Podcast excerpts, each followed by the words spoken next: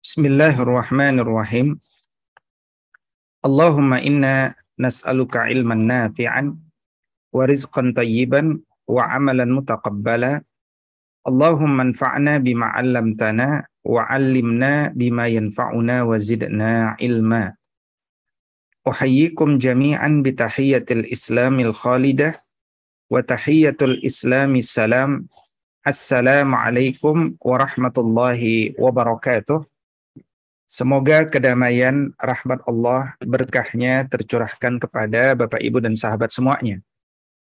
Alhamdulillah,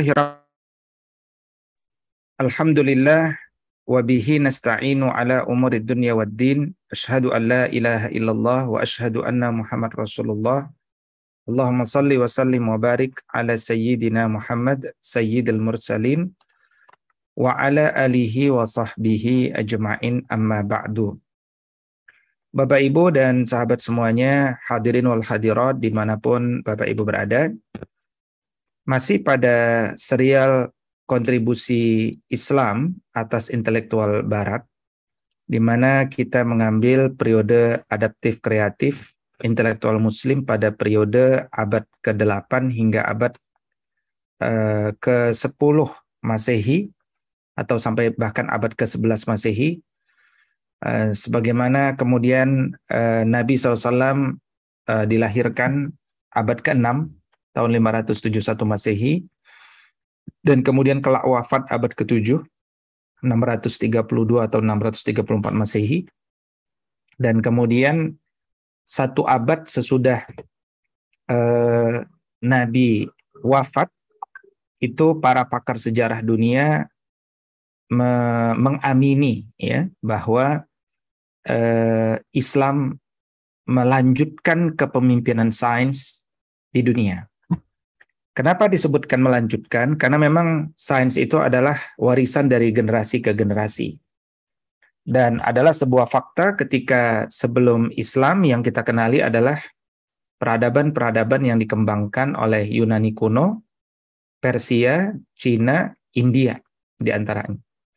Nah, maka eh, fakta juga yang mengatakan bahwa rentang setelah abad ke-8 bahkan hingga nanti sampai abad ke-11 dan nanti titik baliknya di abad ke-12 ya itu adalah periode eh, bagi eh, kepemimpinan umat Islam. Dan eh, setelah itu kemudian kepemimpinan nanti mulai berangsur-angsur bergeser dominasi mulai melemah sampai kemudian nanti abad ke-17 kepemimpinan eh, sains dunia ini dilanjutkan oleh Barat. Ya, tetapi dari sini juga nanti kita belajar bahwa ternyata tidaklah lahir Barat kecuali mereka eh, sangat eh, bergantung pada kontribusi Islam dan inilah eh, apa namanya yang disebut sebagai kerjasama antar generasi ya, eh, yang kemudian akan melahirkan sikap saling menghormat menghormati. Tapi dalam bab eh, eh kajian kita satu hal yang selalu ingin saya katakan bahwa inilah bukti bahwa ketika seseorang itu berislam dengan baik, dengan sempurna, berbasiskan Al-Quran, secara kafah, secara totalitas, maka pada saat itu mereka akan punya syarat-syarat memimpin peradaban, karena diri mereka terpenuhi adabnya, terpenuhi eh, kedisiplinannya, gitu ya. Baik, eh, saya ingin memulai dari uh, fase fase abad ke-7, abad ke-8 ya. Kita ketahui fase abad 7 sampai abad ke-8 setelah wafat Nabi di tahun 632 atau 634 maka eh, uh, 30 tahun kemudian uh, abad ke-7 itu diisi dengan kepemimpinan uh, Khulafaur Rasyidin ya kan. Dengan kepemimpinan Khulafaur Rasyidin. Nah, kemudian setelah itu masuk pada kepemimpinan fase Bani Umayyah ya sekitar 80 sampai 90 tahun. Sehingga praktis sampai uh, menjelang pertengahan abad ke-9 atau abad ke-8 ya uh, bukan abad ke-8 ya jadi 600 ya uh, pertengahan abad ke-8 maka itu adalah kepemimpinan fase Bani Bani Umayyah ya. Nah, kalau kita lihat kepemimpinan Bani Umayyah adalah kepemimpinan yang sifatnya uh, ekspansif ya. Jadi Bani Umayyah ini adalah so, uh, kepimpinan yang memang ekspansif uh, dan karena memang di, uh, Bani Umayyah merupakan kerajaan Muslim pertama uh, yang kemudian memang fokusnya pada ekspansi dan tentu saja uh, era ekspansi ini akan mendorong pemerintahan di masa itu hanya fokus pada apa? Pada penaklukan. Ya, dan dampak dari penaklukan pastinya disibukkan dengan konsolidasi dan uh, dampak dari konsolidasi tentu adalah bagaimana membuat standarisasi pada administrasi. Karena ini adalah sebuah kepemimpinan multinasional, tapi juga multikultural karena memang uh, uh, apa namanya uh, sifatnya uh, bercampurnya banyak budaya. Ya, dan sehingga kemudian ini membutuhkan uh, perhatian yang khusus ya. Nah, ini yang kemudian uh, kita coba memahami kenapa di fase Bani Umayyah meskipun perkembangan ilmu pengetahuan tinggi, tapi nanti tidak setinggi dengan kepemimpinan di fase Abbasiyah. Nah, hal ini sangat terkait karena memang fokus daripada pemerintahan tadi. Nah, karena itu karena mereka tidak tidak atau belum terlalu fokus sehingga ketika uh, Bani Umayyah ini masuk kepada satu wilayah-wilayah uh, kepimpinan baru, ya wilayah-wilayah era baru, Nah, di sini kemudian uh, mereka bertemu dengan peradaban uh, seperti peradaban Helenistik di Alexandria, ya kan? Peradaban di Mesir, peradaban di Persia gitu ya. Nah, yang notabene di sana pasti ada perpustakaan, di sana ada karya-karya, di sana ada ilmu pengetahuan. Nah, di situ kemudian mereka mulai uh, muncul kewaspadaan ya karena Islam itu bukan hanya kekuatan tapi juga uh, bukan hanya kekuatan militer tapi kan juga kekuatan uh, narasi ya yang khususnya kekuatan narasi itu berasal dari Al-Qur'an. Maka di fase Bani Umayyah ini muncul kewaspadaan dengan produk buku-buku atau ilmu pengetahuan yang ditemukan berkembang uh, sebelum ditaklukkan dan otomatis dikuasai pada saat penaklukan. Ya, tetapi karena belum terlalu fokus dalam pengembangan pendidikan, maka akhirnya mereka uh, lebih condong memilih untuk mewaspadai. Ya, maka ada uh, apa namanya catatan-catatan uh, yang me menyebutkan bahwa uh, akhirnya karya-karya Helenistik di Alexandria itu akhirnya di, di dibakar atau dikubur atau di disiram air, ditenggelamkan gitu kan. Uh, termasuk juga nanti karya-karya berbahasa Pahlavi uh, yang merupakan karya-karya orang orang Persia dari Zoroastrian, ya kan? Nah, maka hal yang sama juga kita temukan ketika Sayyidina Amr ibn al-As ya radhiyallahu taala anhu menaklukkan kota Mesir. Itu beliau mendatangi perpustakaan besar di Alexandria waktu itu, ya kan? Di kalau sekarang Iskandaria. Dan kemudian bingung, ini perpustakaan sebesar ini harus diapain, gitu kan? Maka kemudian beliau mengirim surat kepada Umar ibn al-Khattab radhiyallahu taala anhu uh, tentang apa yang harus dilakukan dengan perpustakaan besar yang syarat dengan karya-karya uh, uh, sebelumnya ini. Maka di antara surat yang ditulis oleh Sayyidina Umar ya, uh, Sayyidina Umar mengatakan begini, uh, tentang kitab-kitab yang Anda tanyakan itu wahai Amr bin As ya, maka uh, se sebenarnya sudah ada penjelasan yang lengkap dalam Al-Qur'an. Maka uh, keterangan yang engkau maksud itu sebenarnya sudah ada di dalam Al-Qur'an. Maka kalau ada keterangan-keterangan yang kemudian bertentangan dengan Al-Qur'an, bertentangan dengan kitabullah, maka sebenarnya kita tidak membutuhkannya lagi. Ya, artinya Umar khawatir ini hanya akan membuat orang lain bingung gitu kan. Uh, maka uh, kalau ada kesempatan dan memang kontennya bertentangan dengan Al-Qur'an, ya, maka hancurkanlah buku-buku tersebut. Nah, itu itulah ijtihad yang dibuat Umar di masa itu yang perlu kita pahami karena kondisi penaklukan itu kondisi mulai uh, menanamkan uh, satu keyakinan yang itu juga jangan sampai tidak efektif dengan adanya narasi-narasi uh, uh, yang yang yang mengakar di masa itu. Uh, bukan berarti kemudian Islam tidak tidak bisa berdamai dengan karya-karya luar, tapi uh, fasenya yang kemudian uh, mendorong hal tersebut ya. Nah, maka kemudian atas arahan-arahan seperti itu akhirnya buku-buku dari uh, Alexandria itu dikumpulkan ke di tempat pemandian Alexandria karena di Alexandria dulu ada banyak tempat-tempat pemandian dan itu jumlahnya sangat banyak ya sampai kemudian itu membutuhkan waktu enam bulan untuk uh, sampai pada uh, uh, menghabiskan karya-karya tersebut ya untuk dihancurkan waktu itu. Nah, uh, kemudian ketika uh, apa? Ketika uh, Ibn Waqqas ya uh, datang saat di, saat Ibn Waqqas hadir dan kemudian dia juga menemukan perpustakaan di sana. Nah, beliau juga nulis surat waktu itu kepada Sayyidina Umar Ibn Al-Khattab, ini harus diapain? Nah, waktu itu uh, arahan Sayyidina Umar tetap sama, ya buku-buku yang bertentangan dengan Al-Quran maka guyurlah benamkanlah di dalam air ya. Tapi kalau dia memang diharapkan memberikan petunjuk bagi manusia maka bukankah Allah sudah sudah lebih daripada cukup untuk memberikan petunjuk bagi kita manusia? Ya dan Allah memberikan petunjuknya melalui kitab suci. Dan Al-Qur'an adalah petunjuk petunjuk yang luar biasa. Ya nah apalagi kalau kemudian buku-buku yang dibaca itu malah menyesatkan pemikiran umat maka Allah telah membebaskan kita terhadap kesesatan berpikir dari penulis-penulis tersebut uh, bersama bimbingan Al-Qur'an. Nah, nah, itulah kira-kira keputusan Sayyidina Umar di di masa itu gitu ya. Nah, sampai kemudian meskipun uh, di masa fase Bani Umayyah ini meskipun ada kisah tentang menghapus karya-karya Helenistik dari Alexandria yang berbahasa Pahlavi dari orang Persia Zoroastrian, tapi juga kalau kita baca kitabnya Ibn Nadim, yaitu uh, Al-Fihris ya atau karya An-Nadim ya Al-Fihris ini merupakan direktori uh, keilmuan yang lengkap. Uh, kita akan lihat bagaimana di masa Umayyah ini cukup banyak ya perhatian daripada uh, Umayyah terhadap karya-karya di masa lalu khususnya dengan tema-tema kedokteran, kimia, farmasi, matematika yang itu ditunjukkan dengan diterjemahkannya secara besar-besaran karya-karya tema-tema tersebut ke dalam bahasa Arab. Ya, bahkan di antara keturunan Muawiyah yang yang cukup uh, menyenangi dunia sains itu adalah Khalid ibn Yazid ibn Muawiyah.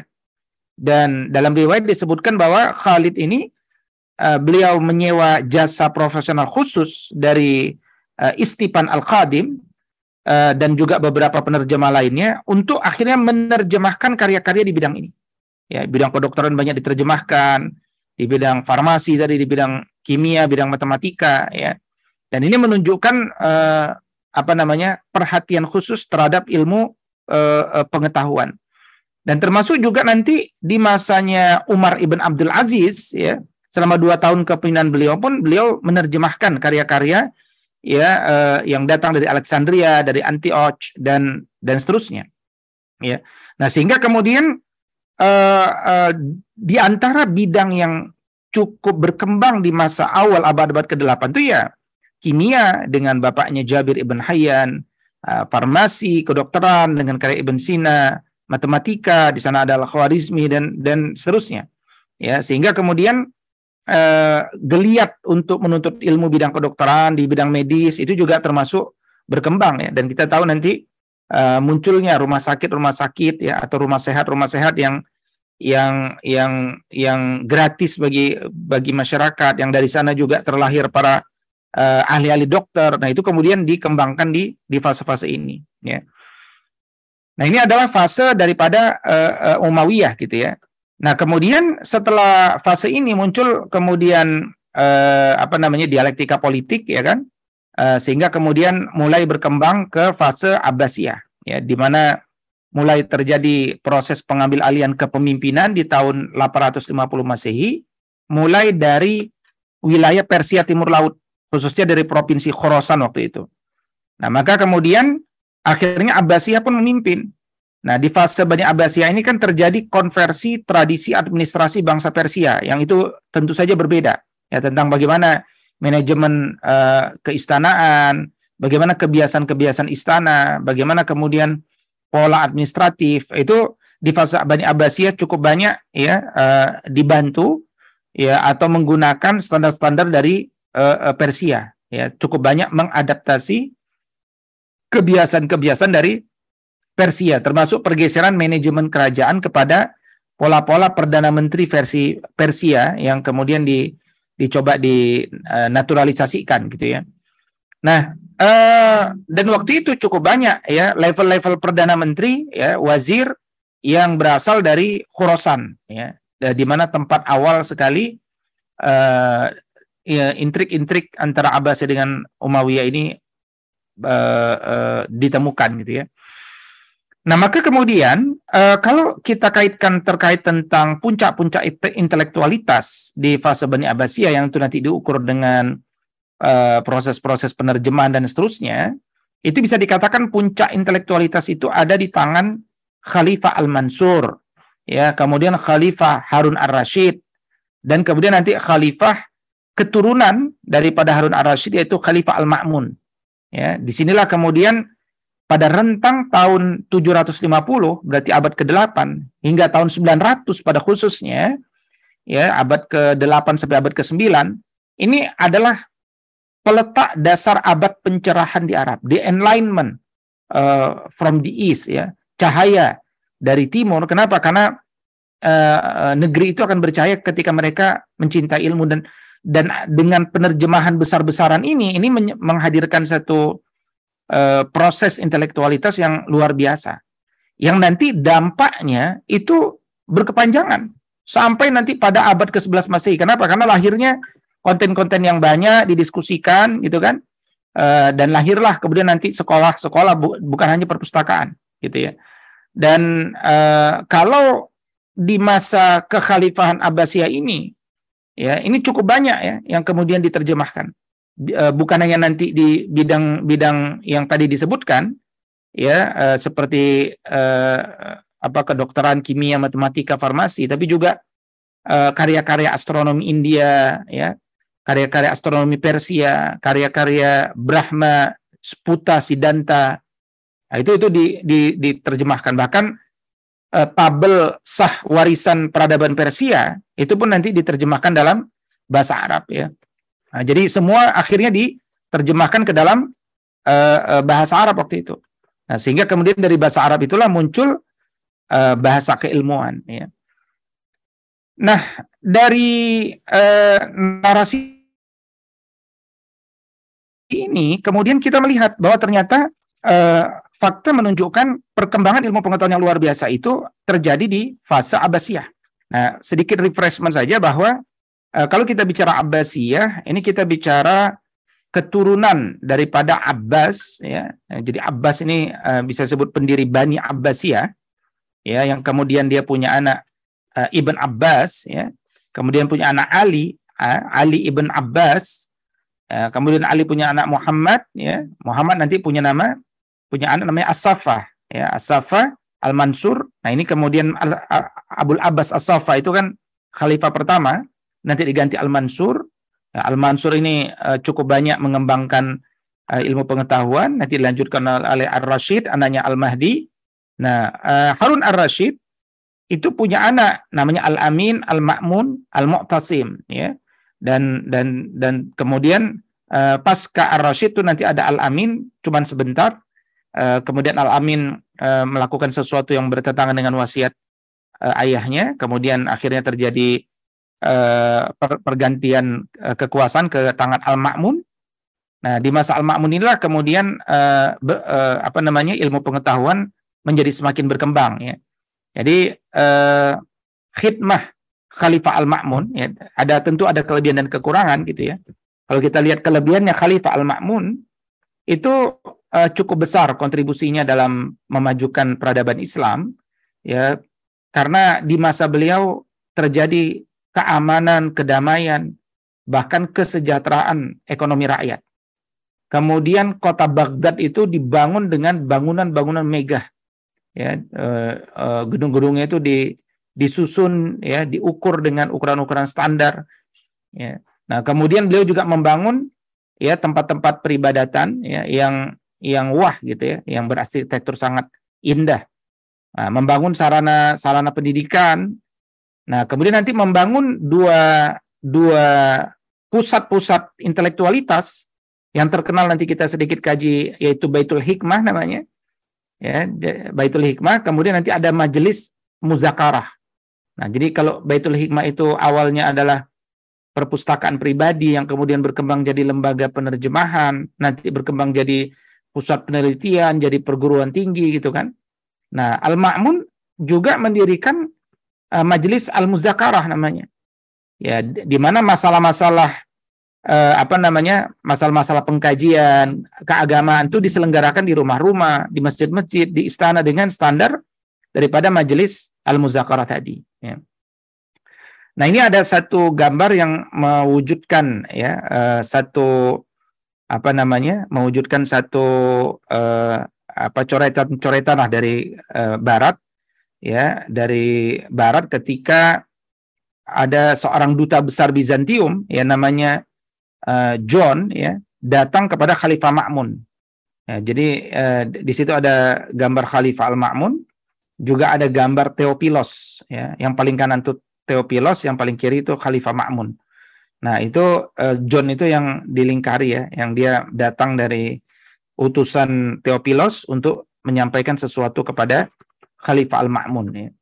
Dia Khalifah Al-Ma'mun Ar-Rashid ini lahir abad ke-8, 14 September 786 dan kemudian uh, meninggal tidak uh, masih dalam usia muda ya. Beliau wafat usia 48 tahun ya kurang lebih atau di 9 Agustus 833. Ya, jadi uh, Khalifah Al-Ma'mun ini memang uh, sedikit berbeda dengan Khalifah Al-Amin yang tadi saya sebutkan anak dari Al-Ma'mun karena uh, Khalifah Al-Ma'mun ini ibunya itu adalah uh, apa istilahnya uh, mantan budak ya. Uh, namanya Murajil yang yang kemudian dinikahi ayahnya dan kemudian setelah melahirkan Al-Ma'mun ibunya wafat ya jadi Khalifah Al-Ma'mun tubuh besar dengan tanpa seorang ibu, ya. Tetapi kemudian beliau uh, berkuasa cukup lama dari tahun 786 sampai tahun 833, ya. Meskipun nanti keturunan Khalifah Al-Ma'mun ini, ya, uh, tidak ada yang meneruskan.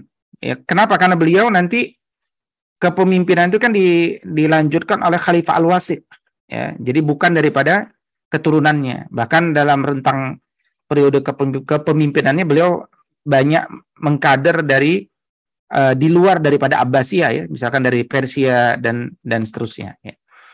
Nah, jadi tadi saya sebutkan bahwa di antara satu karya besar daripada uh, Al-Ma'mun itu adalah Baitul Hikmah sebenarnya atau rumah kebijaksanaan. Jadi di Baitul Hikmah inilah penerjemahan karya-karya Yunani itu diterjemahkan secara masif ya, secara masif mulai rentang tahun 813 833 lah di 20 tahun itu cukup cukup produktif ya. Dan dan yang menarik adalah penerjemahan itu di di prakarsai, dipimpin, dimonitor oleh khalifah tapi melibatkan lintas agama ya. Jadi yang menerjemahkan itu nanti bukan hanya kalangan muslim tapi juga dari kalangan non muslim gitu ya. Nah, eh, dan ini yang kemudian membuat orang-orang senang belajar sains ya uh, di Baghdad ya, belajar sains di di periode ini. Meskipun uh, kehidupan Al-Ma'mun ini kan dalam sejarah sedikit punya catatan ya sedikit tapi cukup berat ya. Karena beliau dipandang cukup dekat dengan pemikiran-pemikiran Mu'tazilah sehingga pemikiran Mu'tazilah itu berkembang uh, cukup pesat di masa itu ya dan uh, di antara pemikiran Mu'tazilah yang kemudian akhirnya beliau jadikan standar adalah meyakini Al-Qur'an itu adalah makhluk. Ya meyakini Al-Qur'an itu adalah makhluk. Nah paham ini kemudian menjadi prinsip daripada pemerintah. Maka orang yang tidak setuju dengan paham bahwa Al-Qur'an ini adalah makhluk akhirnya dihukum. Nah itulah yang kemudian nanti uh, kita mungkin pernah singgung dahulu. Sosok-sosok yang dihukum di masa ini itu ada ada empat itu. Ada Imam Ahmad bin Hanbal, ada Sejadat, ada Imam Al-Qawariri, ada uh, Imam Muhammad Nuh. Ya. Ya, uh, meskipun dari empat nama ini, itu nanti dua nama, ya, Imam Sejadat dan Al-Qawariri, itu akhirnya mengakui, ya sudahlah, Al-Quran makhluk. Kenapa? Karena terpaksa. Dan mereka ber, ber, ber, ber, memilih pendapat kalau dipaksa, ya uh, dia boleh untuk mengatakan itu. Tapi Imam Ahmad bin Hanbal dan Muhammad Nuh nggak pernah mau mengakui Al-Quran itu makhluk. Dan sejarah, sejarah mencatat eh, bagaimana kemudian Imam Ahmad eh, mengatakan satu kalimat ketika dia diminta oleh oleh pamannya waktu itu bahkan yaitu Ishak ibn Hanbal untuk bertakiyah untuk pura-pura saja. Ya, jadi apa kata Imam Ahmad ya meskipun saya pura-pura ya tapi kan orang nggak selamanya tahu ya kan? Jadi jangan sampai pengakuan saya nanti menjadi dalil bagi orang-orang awam sesudahku. Maka Imam Ahmad uh, mengambil resiko dengan dipenjara dihukum ya. Nah maka uh, uh, waktu itu tinggal Imam Ahmad bin Hanbal dan uh, Imam Muhammad Nuh yang nggak setuju. Maka dikirimlah keduanya ke Khalifah Al-Ma'mun ya yang waktu itu sedang memimpin pertempuran di wilayah Asia kecil ya uh, uh, waktu itu. Nah, ketika mereka dibawa ke sana waktu itu di wilayah Raqqa di benteng dapat kabar bahwa Khalifah Al-Ma'mun wafat dan jenazahnya dimakamkan di tempat dekat itu namanya Tarsus ya. Maka kemudian gubernur di wilayah Raqqa mengembalikan Imam Ahmad dan Muhammad Nuh kembali ke Baghdad ya diserahkan nanti kepada Baghdad gimana uh, urusan selanjutnya.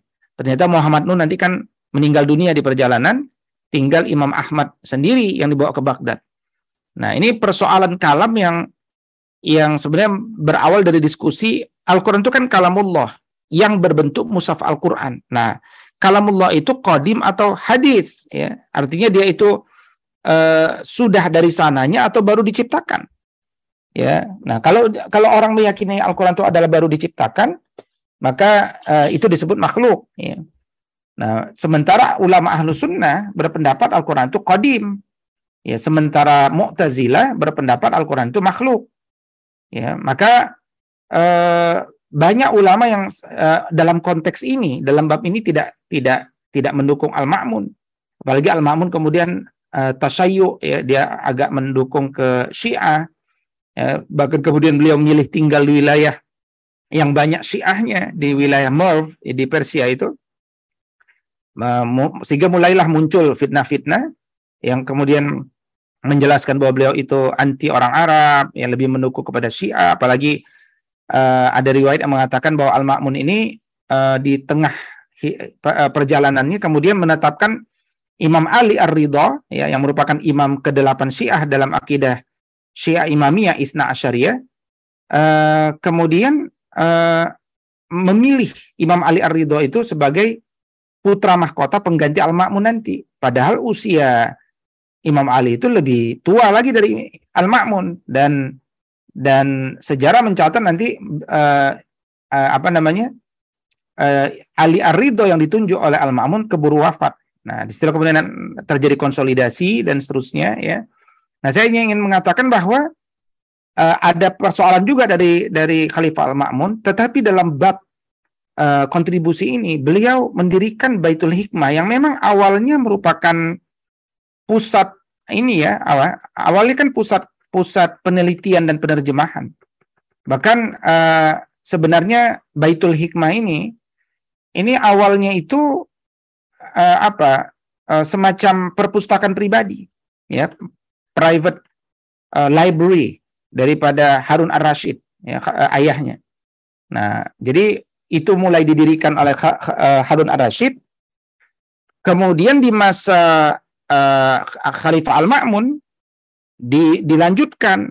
Nah, oleh Al-Ma'mun Baitul Hikmah ini nanti diperluas, dikembangkan jadi lembaga pendidikan formal dan juga pusat penelitian atau pusat uh, laboratorium ya dan seterusnya. Nah, maka pengembangan Baitul Hikmah secara maksimal itu dilakukan di masa Khalifah Al-Ma'mun dan dari Baitul Hikmah nanti Al-Ma'mun sebagai khalifah memerintahkan untuk menerjemahkan karya-karya pemikiran filsuf Yunani ke dalam bahasa Arab. Ya, ada satu karya dari ada seorang penulis namanya Fernando Baez ya. Uh, dia, dia menulis buku yang kira-kira kalau diterjemahkan itu berjudul eh, penghancuran buku dari zaman ke zaman gitu ya. Nah, beliau cerita bahwa terkait Baitul Hikmah itu yang dirikan adalah Al-Ma'mun yaitu sama sejalan dengan uh, uh, penelitian yang lain. Tapi di situ disebutkan bahwa Khalifah Al-Ma'mun itu kenapa bersemangat membangun Baitul Hikmah? Ya dikisahkan bahwa beliau pernah bermimpi bertemu dengan sosok orang tua yang berjenggot putih. Dan orang tua itu menjelaskan uh, filsafat ke dalam diri al-ma'mun ya dan banyaklah diskusi tentang apa itu hakikat iman, tentang kebaikan ya, tentang karya-karya di masa lalu. Ya, sampai kemudian al-ma'mun ya ada yang mengatakan beliau mengatakan sepertinya itu adalah Aristoteles gitu kan. Atau yang jelas beliau mendapatkan motivasi ya. Uh, yang kemudian orang di mimpinya itu meminta dia untuk menerjemahkan seluruh karya-karya termasuk karya-karya Aristoteles ke dalam bahasa Arab supaya tidak hilang di telan zaman. Nah, di, ini menurut satu versi uh, karya uh, uh, di Barat gitu ya. Uh, tentu ada dampak dari uh, konsep itu.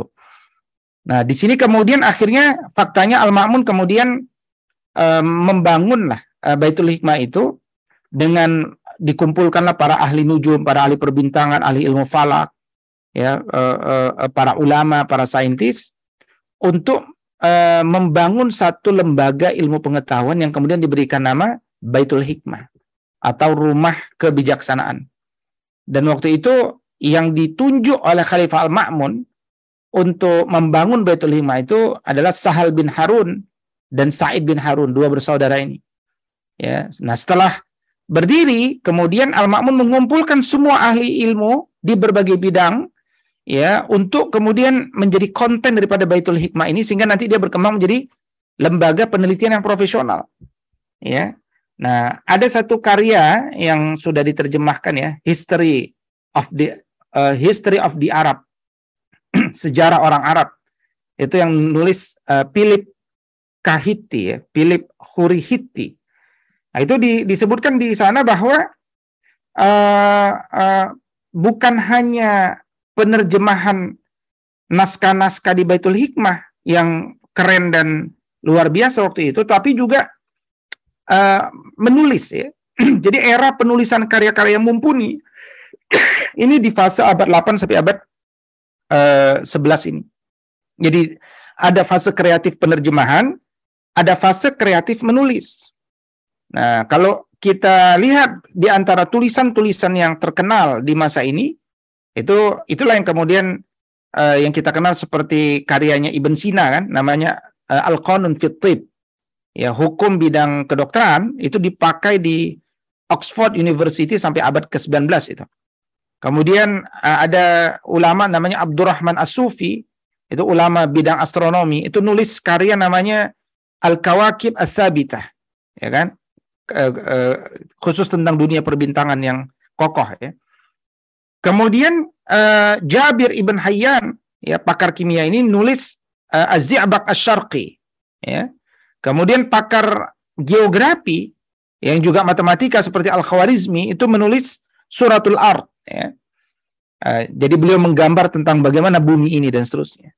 Nah ini karya-karya yang luar biasa di zaman itu yang menegaskan tidak ada dikotomi antara agama dan sains. Ya, makanya kemudian dari kota Baghdad itu yang di dalamnya ada Baitul Hikmah nanti melahirkan generasi-generasi alim baik bidang agama maupun sains, bukan hanya bidang agama saja atau bidang sains saja. Misalkan di antara nama-nama yang mungkin kita bisa rujuk pada periode ini ada misalkan Al-Battani, ya, Al-Ghazali, Al-Khawarizmi, Al-Farabi, Al-Kindi. Nah, ini kan pemikiran-pemikiran kita juga perlu paham. Ya. Nah, dan dan itu dan kemampuan uh, uh, apa namanya orang Islam dulu menerjemahkan literatur asing ke dalam bahasa Arab. Itu akhirnya Baitul Hikmah menjadi satu medium penyambung pemikiran di antara manusia waktu itu. Ya maka kemudian kota Baghdad kan dikenal sebagai the golden age of Islam ya. Jadi dialah yang menyebabkan masa keemasan peradaban Islam. Ya uh, uh, dan Khalifah Al Mamun terus ya Beliau menerjemahkan dari Cina, Yunani, Hindia, Persia, dan seterusnya. Ya, dan Baitul Hikmah sendiri itu desainnya unik ya, seperti uh, ada yang mengatakan seperti madrasah di Jundisapur ya, ada perpustakaannya, ada observatoriumnya, ada uh, tentu ada bidang penerjemahannya. Dan cukup banyak nama-nama ilmuwan di masalah itu yang ditugaskan menjadi penerjemah di Baitul Hikmah ya yang yang sering diangkat misalkan Yahya bin bin Abi Mansur ya ada ada Sabian Sabit bin Qurra ada Kusta bin Luqa Ada Hunain bin, Is, bin Ishaq nih Hunain bin, bin Ishaq banyak sekali dikutip oleh para sejarawan ya. Dan uh, bahkan di karyanya Philip Kahiti itu disebutkan bahwa Hunain bin Ishaq itu bahkan dijadikan kepala penerjemah di Baitul Hikmah. Ya meskipun beliau penganut sekte ibadi. Sekte ibadi ini uh, apa ya? Uh, aliran di Kristen Nestorian uh, dan uh, dan aliran di Hirah ya. Nah, tapi kemudian oleh uh, beberapa ulama seperti Ibn Al-Ibri, Al-Kifti, nah kehadiran Hunain bin Ishaq itu sangat membantu dengan kecerdasannya, ya, kemampuannya dalam menerjemahkan dan seterusnya, ya. Termasuk juga nanti uh, yang cukup ter, yang cukup uh, apa namanya, yang cukup uh, produktif ya di Baitul Hikmah itu ada penerjemah namanya Abu Zaih Hunain bin Ishaq al-Ibadi yang tadi disebutkan itu.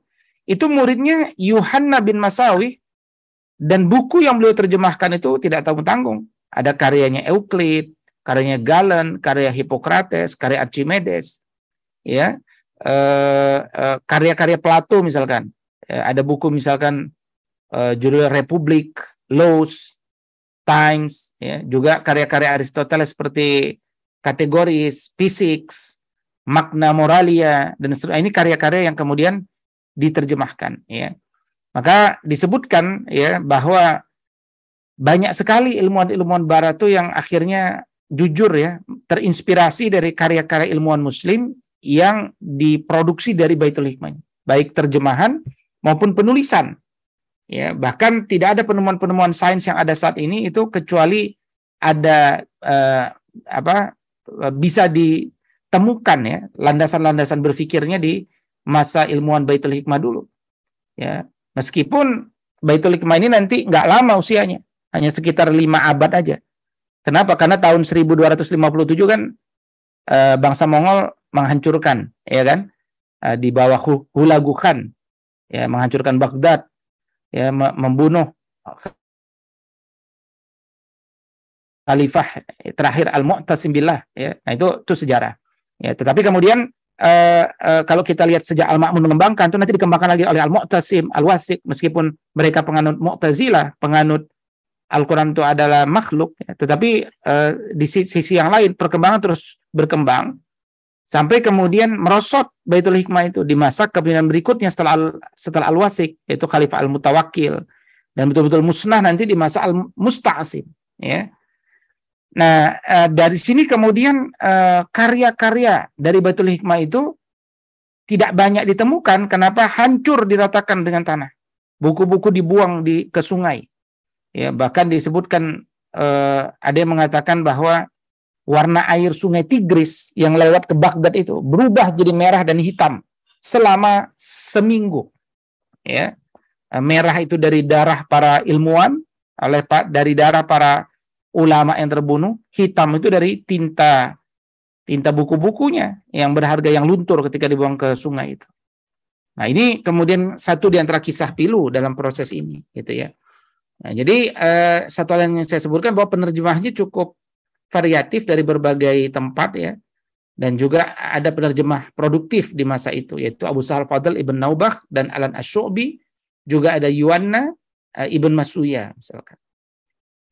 Nah, di antara uh, apa istilah kreativitas-kreativitas awal lah di periode ini adalah misalkan Ibrahim Al-Fazari. Nah, itu beliau membangun astrolabe pertama. Nah, ini ada gambar astrolabe yang dulu di, dikembangkan oleh oleh Maryam ya, seorang perempuan. Kemudian anaknya Ibrahim Al-Fazari yaitu Muhammad itu menerjemahkan karya Siddhanta ke dalam bahasa Arab itu diperintahkan Al-Mansur. Ya, karya Brahman. Kemudian uh, ada seseorang yang yang bernama bernama Masyallah itulah yang ditugaskan untuk merencanakan teknis dan ukuran gedung-gedung di Baghdad. Ada Naubah dari Persia dan juga ada seorang Yahudi yang eh, tidak disebutkan namanya. Juga ada putra Al-Fadl itu yang yang bisa diketahui dari teks ya. Yang kemudian membuat terjemahan astrologi, ilmu tentang astronomi itu dari Persia ke Arab. Nah, maka kreativitas ini terus meningkat ya di seiring waktu ya sampai kemudian berkembanglah beberapa cabang-cabang ilmu pengetahuan lainnya. Ya. Nah, di antara yang cukup banyak berkembang itu adalah uh, matematika. Ya, makanya tidaklah disebut muslim itu sempurna wawasan itu kecuali sejak kecil dia sudah ditanamkan matematika ya, sebagai satu matematika tersamar, matematika tersembunyi, mengembangkan high order thinking skill, nalaristik dan seterusnya. Ya, nah ada tiga tokoh yang yang hidup di sekitar rentang periode ini minimal ya, yang yang terkenal ya. Namanya yang pertama Sabit ibn Qurrah. Ya, Sabit ibn Qurrah ini uh, seorang sabiin ya, dari Harran di Mesopotamia sebenarnya. Dia juga penerjemah, dia juga uh, pembaca ahli karya-karya Yunani. Ya, dan dia banyak menerjemahkan karya-karya matematika dari Yunani tapi dia juga, dia juga seorang tabib, seorang uh, pengobat ya. Dan beliaulah yang juga menerjemahkan langsung uh, Nikomakus dari uh, aritmetika waktu itu. Dan dan kemudian dia yang juga menemukan pola-pola uh, angka ya, uh, uh, pola-pola pen, penulisan angka uh, dan seterusnya. Ini uh, Sabit ibn Qurrah ya. Kemudian ada Muhammad ibn Musa al-Khawarizmi, ini abad ke-9. Kalau Muhammad ibn Musa al-Khawarizmi ini memang bekerja di Baitul Hikmah, House of Wisdom. Ya, jadi dulu perpustakaan-perpustakaan itu dijaga oleh orang-orang cerdas seperti yang kita sebut eh, kita bahas pada pertemuan-pertemuan sebelumnya tentang sejarah perpustakaan Islam ya. Nah, Muhammad ibn Musa al-Khawarizmi inilah yang kemudian mengenalkan materi-materi dari India di karya astronominya. Ya, dia juga menulis satu buku, buku pengantar lah tentang bagaimana mengenali aritmatika Hindu, ya, uh, yang oleh orang Barat itu diterjemahkan sebagai uh, the Book of Addition and Subtraction to the Hindu Calculation. Ya, jadi semacam buku tambah kurang kali bagi dan dan seterusnya gitu ya. Bahkan uh, al ini punya buku juga itu diterjemahkan dalam bahasa Inggris uh, Book of Restoring and Balancing Nah, ini beliau nulis ya tentang aljabar ya, termasuk eh, apa konsep persamaan kuadrat dan seterusnya. Ya. Nah, ini ini ditulis oleh Al-Khwarizmi. Jadi beliau ini luar biasa ya. Eh, detail gitu ya. Nah, eh, begitupun nanti ada buku-buku seperti yang ditulis oleh algoritmi ya, yang kemudian nanti kita kenal mengenal uh, menghasilkan kosakata algoritma misalkan. Nah, kemudian ada Omar Khayyam Omar Khayyam ini terkenal seorang matematika, ahli matematika, tapi dia juga penyair. Nah, dia ini yang kemudian dikenal mampu mengekstrak arbitrary high degree ya satu konsep uh, uh, di matematika dan berikut aljabarnya ya terkait tentang bagaimana mem membangun uh, apa istilahnya persamaan kubik waktu itu. Ya. Nah, uh, dan beliau Omar Khayyam ini juga merupakan sosok yang meneliti ya, postulat-postulatnya Euclid ya dan kemudian menuliskannya.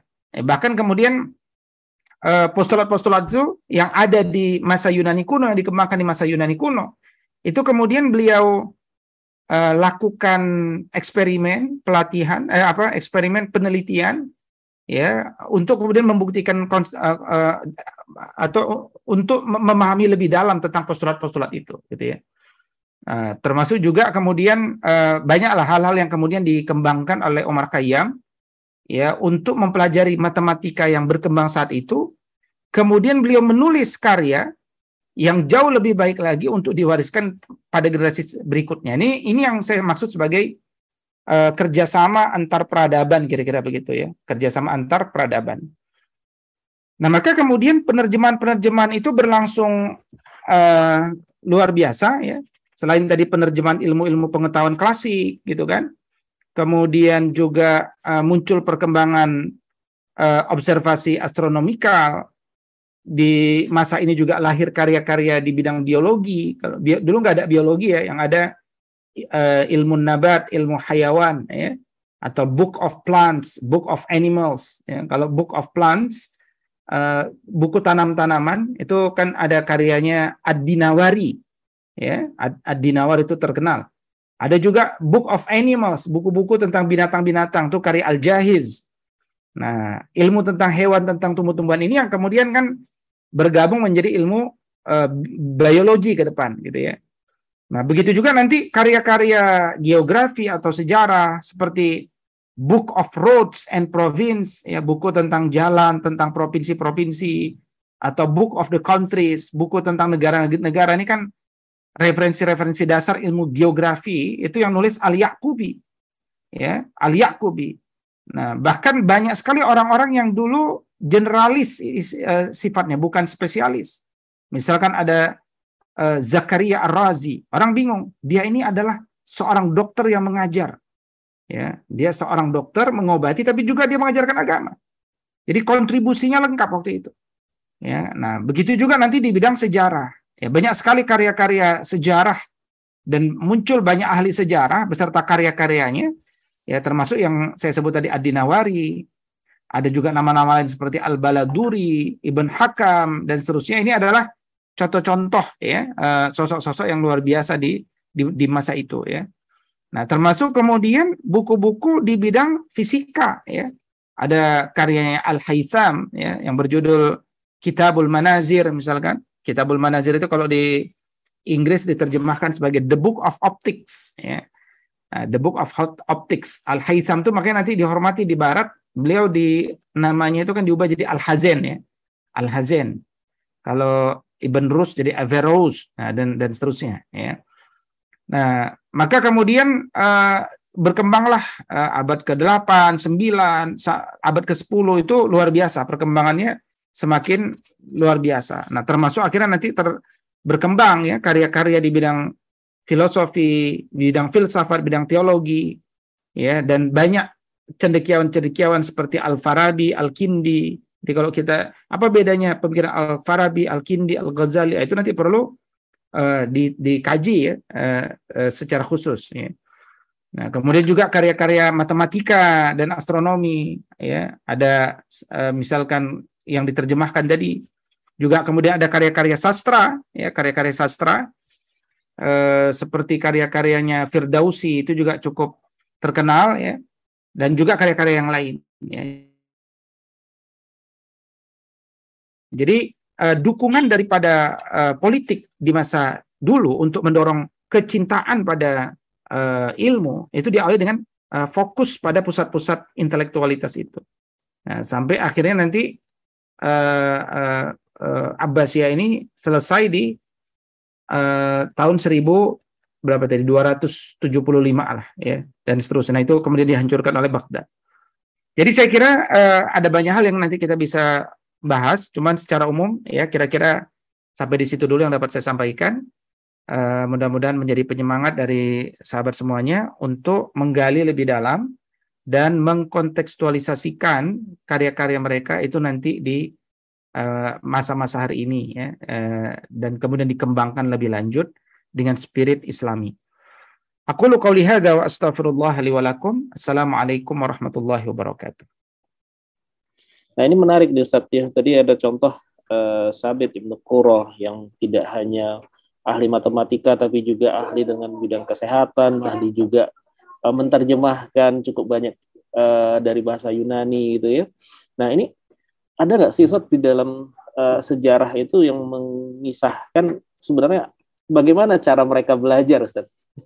Karena mengingat begitu banyak hal yang mereka pelajari satu orang bisa menguasai matematika, menguasai kedokteran juga, menguasai terjemahan dari berbagai uh, bahasa gitu ya. Bagaimana kiat-kiat uh, orang-orang terdahulu dalam belajar Ustaz? Sementara di kita belajar satu aja mungkin matematika atau mungkin ekonomi aja udah pusing. nah ini ada nggak kiat-kiat Ustaz? Iya. Sampai Ustaz. Sebenarnya eh, sebenarnya ketika kita mengkaji ilmu itu seharusnya kita tidak pusing. Eh, kenapa orang bisa pusing? Boleh jadi karena memang apa yang dipelajari itu tidak sejalan dengan fitrah. Ya, atau kemudian tujuan pembelajaran itu hanya mendorong kita pada mengejar tujuan tertentu ya, misalkan gelar atau kemudian tidak ada spirit uh, ibadah di sana dan seterusnya. Nah, itu kan yang kemudian uh, kita temukan pada Al-Qur'an. Jadi ketika kita uh, uh, mempelajari Al-Qur'an itu uh, orang itu tidak dibentuk seperti disiplin hari ini. Ya, justru mereka diajarkan uh, iman, adab, ilmu amal. Nah, ilmu itu nanti ber, ber, ber, ber apa namanya berpusat pada tiga sektor sebenarnya. Itu sektor ilmu tentang agama ini tentang ulumuddin maksudnya. Ya, semuanya tentu ilmu agama, tapi ilmu yang bersifat syariat dalam pengertian ilmu yang bersifat tauqifiyah, tidak berubah ya. Uh, ada ilmu uh, di sana akidah, ibadah, muamalah, akhlak gitu ya. Tapi juga berkembang ilmu sosial karena mayoritas dari Al-Qur'an itu isinya ilmu sosial. Kemudian fase berikutnya adalah ilmu alam. Jadi orang kalau ingin mengembangkan ilmu sosial, dia pasti akan bergantung sama ilmu alam karena konteksnya, alatnya itu semua nanti ada di alam gitu. Nah, ilmu sosial ini yang kemudian kan nanti dikembangkan di peradaban kita hari ini dengan spesifikasi-spesifikasi seperti uh, uh, apa namanya uh, sosiologi, antropologi, edukasi, politik, ekonomi, sejarah, geografi, sastra, apalagi humaniora lainnya. Ini kan cabang-cabang yang akhirnya oh aku belajar sosiologi, aku nggak akan belajar pendidikan gitu kan. Aku belajar pendidikan, aku nggak akan belajar apa namanya nggak akan belajar geografi gitu kan itu ada jurusan lain nah, itu nggak ditemukan di masa lalu nah kita itu mengalami itu karena memang kita di di di di, di framework dengan hal tersebut ya makanya George Sarton seorang bapak sejarah sains dunia dia bilang ya saya itu bingung sama Ibn Sina oh, orang ini sebenarnya ahli akidah tauhid apa ahli hmm. kedokteran gitu ya karena karyanya itu dua-duanya masyhur ya eh, eh, dan karya-karyanya itu dikomentari oleh banyak ulama gitu ya. Nah, tentu dorongan ini juga terlepas dari pemuliaan para pimpinan uh, uh, dunia waktu itu dengan ilmu pengetahuan. Ya, jadi semacam ilustrasi saja. Dulu Khalifah Al-Ma'mun itu menggelontorkan dana riset di Baitul Hikmah itu kira-kira uh, setara dengan dua kali biaya medical research center di Inggris saat ini gitu ya. Jadi bagaimana Inggris mendapatkan dana riset eh, dua kalinya dana Inggris itu kira-kira yang disiapkan oleh Khalifah Al-Ma'mun dulu. Nah, belum juga gaji para ilmuwan ya. Hunain Khawarizmi meskipun gaji, pekerjaannya jaga perpustakaan gitu ya. Dulu Ibn Sina juga jaga perpustakaan. Jadi orang dulu mulia jaga perpustakaan. Kalau sekarang orang merasa malu Pekerjaanmu apa? Jaga perpustakaan. Dulu iya. perpustakaan itu adalah yang dikejar. Ya, kenapa? Karena kekayaannya adalah ilmu gitu. Nah, makanya orang menulis kitab itu ditimbang dan dibayar dengan standar kilo gitu ya.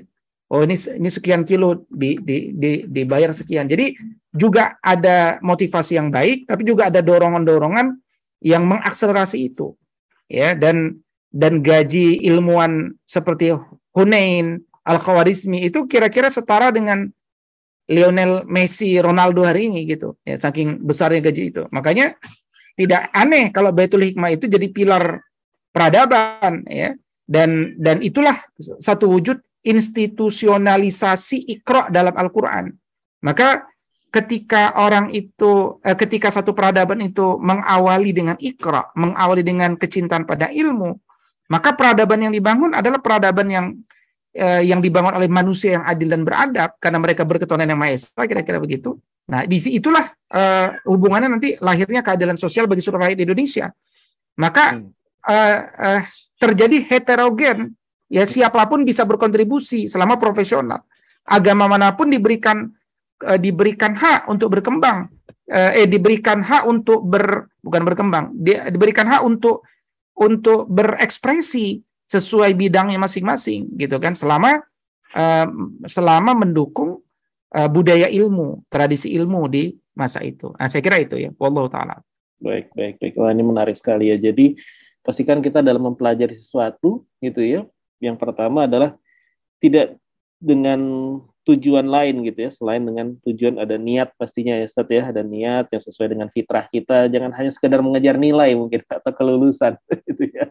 Karena itu pasti nanti akan jadi pusing. Sebab di antara setiap ilmu uh, saya pernah saya lupa itu siapa yang mengatakan gitu. Jadi ilmu adalah cahaya katanya Ustaz jadi seberapa dekat kita sama Allah insya Allah kita akan dimudahkan dalam belajar apa pun gitu ya, dimudahkan dalam apa ya, ibaratnya hati kita kalau terang itu ilmu itu insya Allah lebih cepat nempel ya katanya gitu ya. Makanya wajar kalau tadi uh, Ibnu Sina seorang ahli kedokteran tapi juga beliau punya uh, kitab yang terkait dengan tauhid dan seterusnya. Wah, ini menarik sekali ya. Jadi ada tiga hal yang teman-teman nanti bisa kaitkan antara agama, sosial dan alam itu ada ilmu tiga ilmu besaran Ustaz ya. Baik, Nah ini nggak terasa Ustaz, udah di penghujung waktu Ustaz mungkin ada kesimpulan atau mungkin closing statement yang mau disampaikan kepada Ustaz. Ya, Bismillahirrahmanirrahim. Uh, al ilmu hayatun wa nurun. Ya, ilmu itu adalah kehidupan, ilmu itu juga adalah cahaya.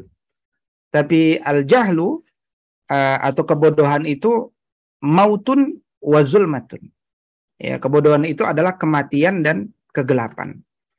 Uh, maka uh, kejarlah apa yang membuat kita hidup dan bercahaya dan tinggalkanlah apa yang membuat kita berada dalam kematian dan kegelapan meskipun fisik kita masih hidup.